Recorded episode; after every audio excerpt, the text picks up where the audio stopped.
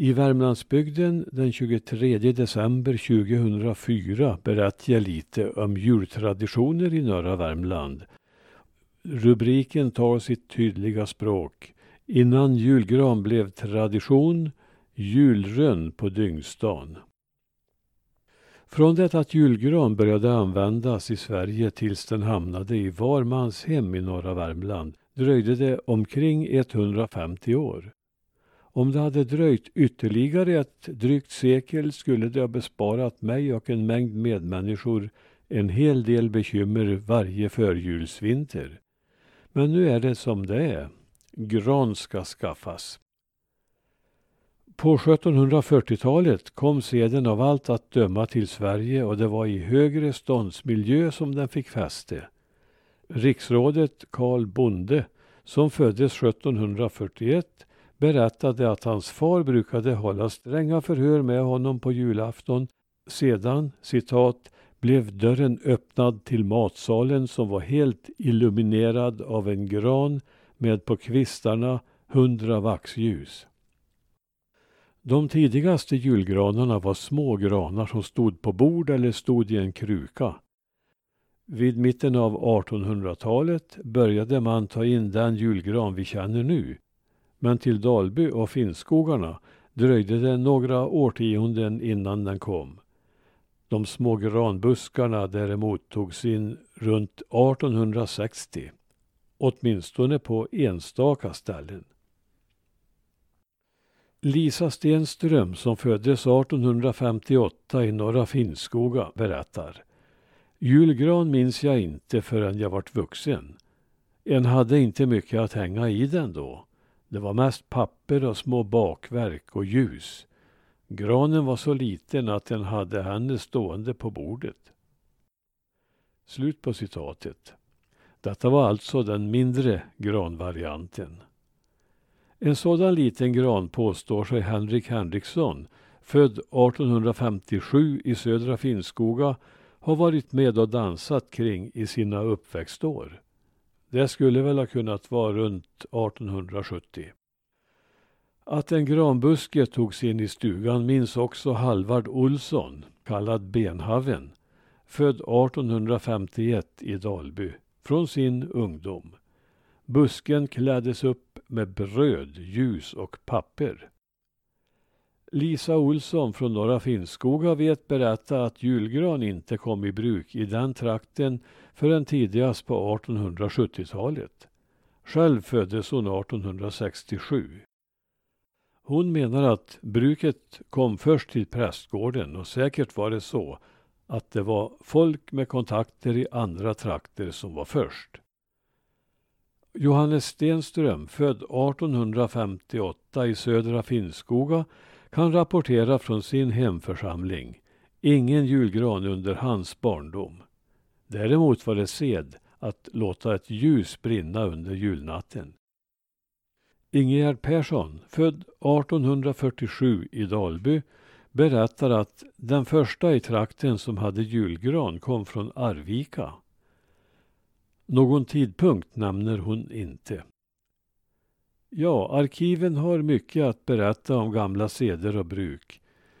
Vi får också veta att julhalm ströddes ut på golven, åtminstone på Finnskogen, men den sopades upp redan under julen och gavs då åt kreaturen. Inne byttes den ut mot hackat granbarr, något som också brukades i Dalby. Detta för att det skulle lukta gott. Granen hade alltså på det sättet en tidig plats i julfirandet, även om många använde sig av enris. Innan granen fick sin upphöjda plats som ljusbärare inne i stugorna ställde en del några granar utanför ytterdörren och vid infartsvägen till jul. Allmänt förekommande i mitten av 1800-talet var annars bruket att sätta upp en julrön på gödselhögen. Något symbolvärde hade väl detta, en fruktbarhetsrit, en sorts välsignelse över den dynga som skulle ge nytt liv ute på åkrarna. Julrönnen sattes upp på julaftonen och det skulle helst vara en liten rönn som bären satt kvar på. Eskil Persson, född 1887 i Dalby, berättar att citat Kvinnfolken klippte papperslappar och hängde i den så den skulle bli fin. Så band de havre i den. Slut på citat. Havren var då för fåglarna. Ingegerd Persson minns från 1850-talet hur de hängde halmkors i rönnen. Halmkors som skulle vara som kors och ändå som speglar, förklarade hon.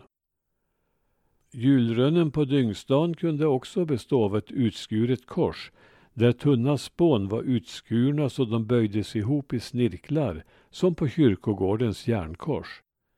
Formen kunde mer likna en ögla än ett kors och där hängdes alltså prydnader.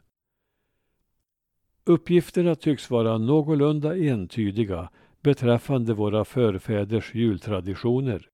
Men variationer förekom säkert då som nu. Olof Westling från Brannäs, som föddes på 1860-talet, mindes att en gran sattes på dynghögen och att denna hade papper i toppen och äggskal hängande på grenarna. Idag finns det inga dynghögar att sätta vare sig kors eller rönnar på och inte vet vi väl riktigt varför vi år efter år lägger ner så mycket tid på anskaffning och påklädning av detta träd. Men eh, det är nu en gång för alla så att gran ska skaffas.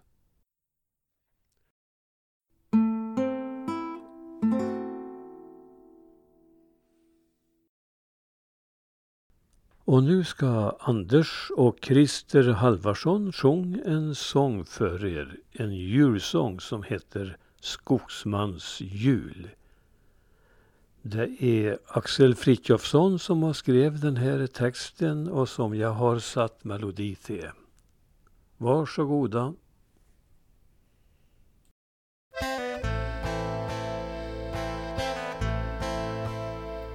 Jag har rätat min yxa till ro mot en stam för att fira min fattigdoms jul. Jag har putsat min lampa och ritat min spis och gjort ljust i mitt snöhöljda skjul. Och min kurrande katt sitter slickad och fin och njuter av ugnsbrasans dån och känner försoningens frid liksom jag mot den gnagande råttan i vrån. Långt där ute i mörkret där vindarna snor ser jag stugornas fönster i brand. Och jag vet att ikväll är det högtid och fröjd runt mitt isiga skogsuckarland. Omkring dukade bord är det rofyllda skratt, kring små granar är kvitt och var fattigmans blick som av mödan blev hård nu ikväll är så trivsam och vek. Min barndom den jollrar så träget ikväll i de snötyngda granarnas hus. Där det smyger i midvinterstjärnornas glans kring mitt gråa och lutande hus. Gamla minnen de skrida i ändlösa tåg mot min frostvita förstugedörr. Och jag viskar med snyftande röst mitt stig in Här sitter jag redo som förr Ty kväll är jag åter en väntande pilt på en blek liten kvinnas så. Och det är som jag hörde en kär gammal röst ur dunklet långt fjärran ifrån. Där jag värmer min blick vid en osande gran med slöjor och talggula ljus brinner bakgården så liten och blyg på ett bord i min moders hus. Där jag värmer min blick vid en osande gran med slöjon och talggula ljus som brinner bakgården så liten och blyg på ett bord i min moders hus.